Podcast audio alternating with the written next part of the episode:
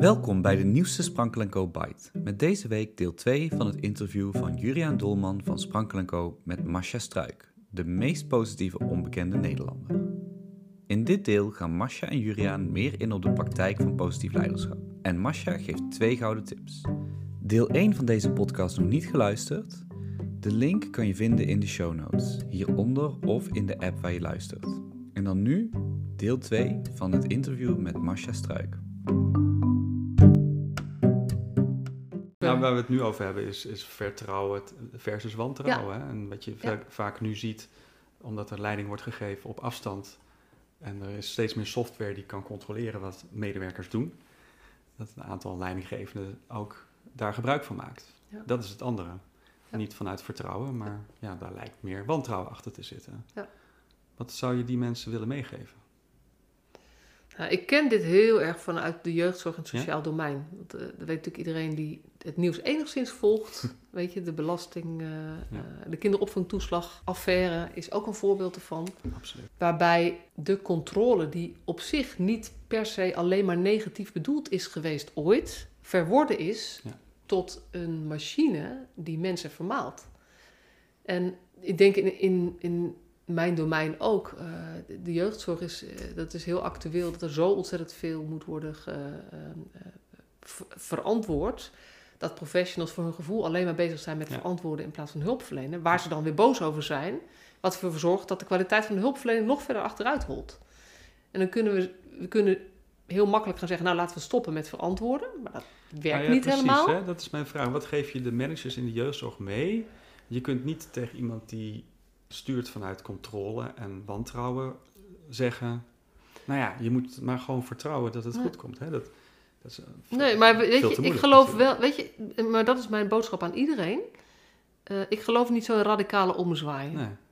Dus iedereen die een prachtig plan heeft, dat is heel leuk. Maar de praktijk laat zien dat het meer tijd kost dan het plan. Ja. Weet je, ieder projectplan loopt uit. Er zijn uitzonderingen, maar zeker grotere projecten. En de, de transformatie, weet je, nou ja, we kunnen daar op inhoud over praten. Maar dat kost gewoon meer tijd dan van tevoren voorzien. En bovendien, je hebt een plan en er gebeurt onderweg van alles en nog Ja, wat. Dus zo Dus- iemand dat meegeven heeft geen zin. Dus hè? ik, mijn insteek is, als nou iets hiervan je aanspreekt, ga eens nadenken hoe jij 5% minder, nou ja, ik, ik, niet zozeer meer, minder controle, maar hoe jij 5% meer vertrouwen kunt geven. Ja. Begin daar eens mee. En bijvoorbeeld eh, kies één teamlid waarbij je dat dan doet. Waarbij je dat eh, meer durft dan bij de anderen. Ja.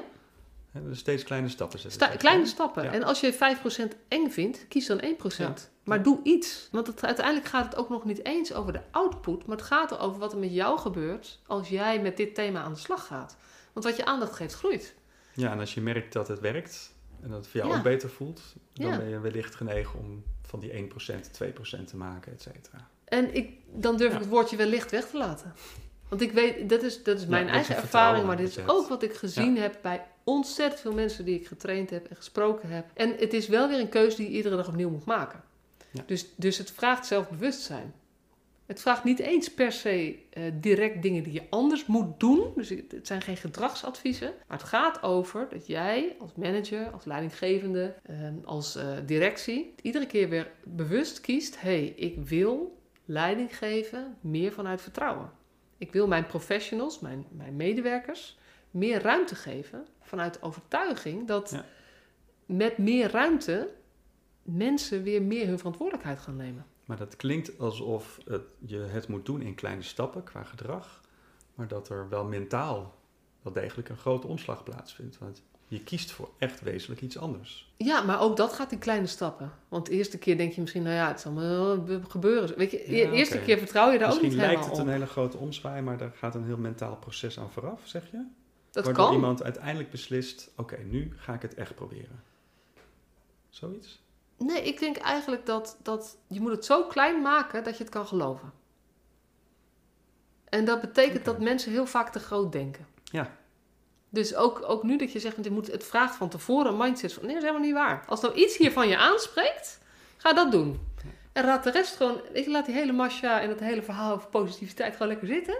Kies één ding. Maar kies één dingetje en ga dat gewoon eens doen. En Ja. blijf erbij en ga jezelf stretchen om elke keer weer te denken: hé, hey, maar is er nou nog iets wat voor mij misschien spannend, maar nog net wel comfortabel Ja, voelt. precies. En als je nou kijkt naar wat jij de laatste tijd meegeeft aan managers die jij ontmoet in je werk, wat is daarbij dan het meest, eh, de meest gegeven tip van jou of het stapje wat je dan ze zelf laat kiezen, maar welk stapje komt daarbij het meest voor tegenwoordig? Nou, wat heel lastig is, ik, want ik coach, ik, ik train vooral veel professionals. Ehm, en die roep ik op eh, om meer liefde en lef te laten zien. Nou, meer liefde betekent voor mij vanuit je hart communiceren en gewoon mens tot mens verbinding maken voordat je al die ingewikkelde dingen gaat doen die je geleerd hebt op je opleiding. Geldt voor managers ook trouwens. Ja, dat is altijd precies. eh, stap 1. Het tweede is meer lef. En dat betekent ga staan voor waar jij in gelooft. Ja. Ook al is dat anders dan wat gebruikelijk is binnen je team, of dan, dan eigenlijk past binnen het protocol of eh, binnen de methodiek. Maar ga in ieder geval uitspreken waar jij in gelooft. En voor managers zijn professionals die dit gaan doen best lastig. Dus, eh, en dat In begrijp ik ook heel goed. In eerste instantie wel, want het gaat van jou, realiseer je dat als je echt die positieve psychologie Mhm. gaat toepassen, dan krijg je mondigere professionals, als het goed is. En ook meer negativiteit in eerste instantie wellicht. Of in ieder geval meer... Meer uitgesprokenheid. eh, ik denk niet dat je meer... Ik denk eh, niet dat je meer negativiteit krijgt. Ik denk alleen dat het boven de, ja. boven, zeg maar, het, het komt dan, het komt boven Ja, de oppervlakte. precies. En eigenlijk komt bes- het dan je binnen. besluit om het te willen weten, dus dan Ja. ga je het ook horen. Ja, en, Dat en dat, dat, is, dat is je aangrijpingspunt. Dus daar moet je alleen maar blij mee zijn. Ja, dat is super mooi. dus ik denk dat, dat eh, waar het over gaat is, zoals bijna altijd heb je een soort cowboys binnen teams of binnen Mhm. organisaties.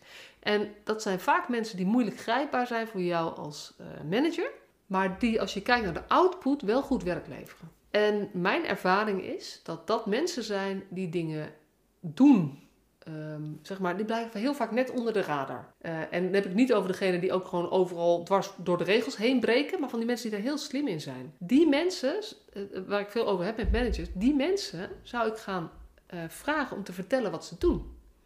Want hen lukt het om binnen de gebaande systemen, gebaande paden wou ik zeggen, maar binnen bestaande systemen, een weg te zoeken waarbij eh, zij zichzelf niet kwijtraken.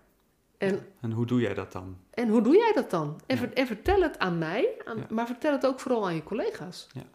Want dat is wat inspireert. En het zijn ook mensen die moeilijk grijpbaar zijn. Dus dat is ook meteen een- wel een uitdaging voor een manager om zo'n vraag te stellen, zeg je. Nou ja, als je hem doet vanuit de intentie, ik ben gewoon benieuwd. Want eigenlijk, heel vaak zijn het mensen waarvan je gevoelsmatig iets hebt van ja, eigenlijk is het gewoon, het is gewoon leuk. Maar ze zijn lastig te sturen. En dan kan je heel erg in de controle gaan zitten, want ze zijn moeilijk grijpbaar. Of je kan zeggen, hé, hey, maar zij kunnen dus hier doorheen fietsen, wat mij en heel veel andere Ja. collega's niet zo goed lukt. En dan is zo'n vraag eigenlijk heel makkelijk om te stellen. Ja, en ehm, eh, helemaal als je, je moet hem dus niet vanuit controle stellen. Je moet hem vanuit Ja, de mindset nee, stellen.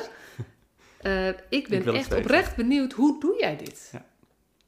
Dus de belangrijkste tip die jij dan meegeeft aan managers is... eh, zoek die persoon op in je team en stel die vraag. Ja, en laat ze vertellen. Ja. Stel niet één vraag, maar ga. Ja, Want het is niet Maar- één vraag. Het is niks. Is, het is nooit een quick fix. Het is een proces wat je ingaat. Bij de, bij de, dit zijn niet per se de rebellen. Hè. Dit zijn niet degenen die tegen de organisatie zijn. Maar dit zijn de mensen die binnen de organisatie eigenlijk hun, steeds hun eigen weg vinden. Ja. En ehm, eh, die kunnen lastig voor je zijn. Maar dat zijn mensen die ook op zich goed werk leveren. En die, hebben, eh, die lukt het gewoon bij zichzelf te blijven. En daar zit ontzettend veel informatie in hoe je dat zou kunnen doen.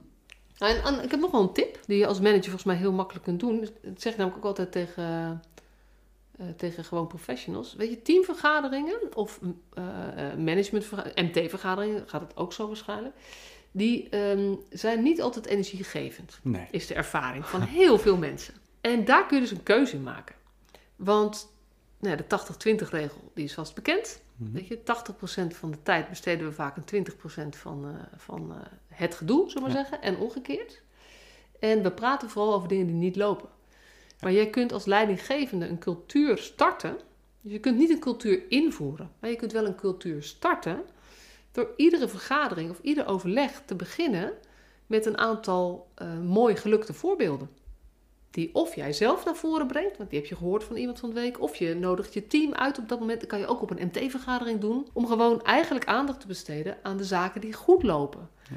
Eh, omdat ik geloof dat daar gewoon veel meer energie zit. En dat het praten over de zaken die niet lopen, ehm, heel vaak zijn er een aantal topics waar als je het aantal uren wat er over vergaderd wordt gaat optellen, Ja. dan ga je schrikken wat het heeft gekost.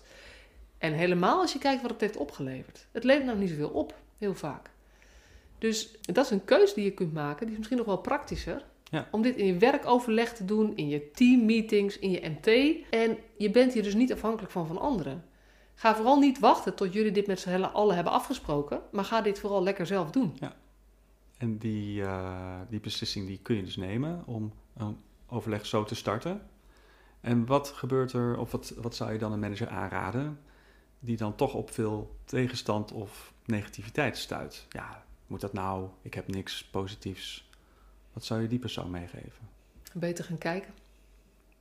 Beter gaan kijken en andere vragen stellen.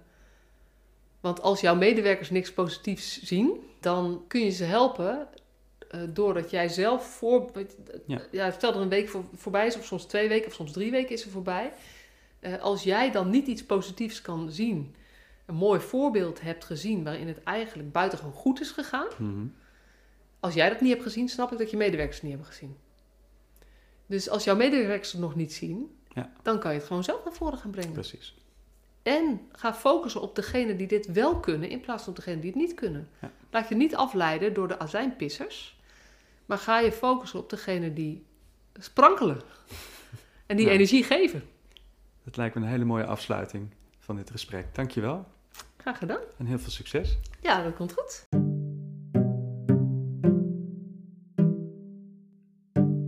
Tot zover het tweede en laatste deel van het interview met Masha Struik. Wil je meer weten over sprankelend leiderschap?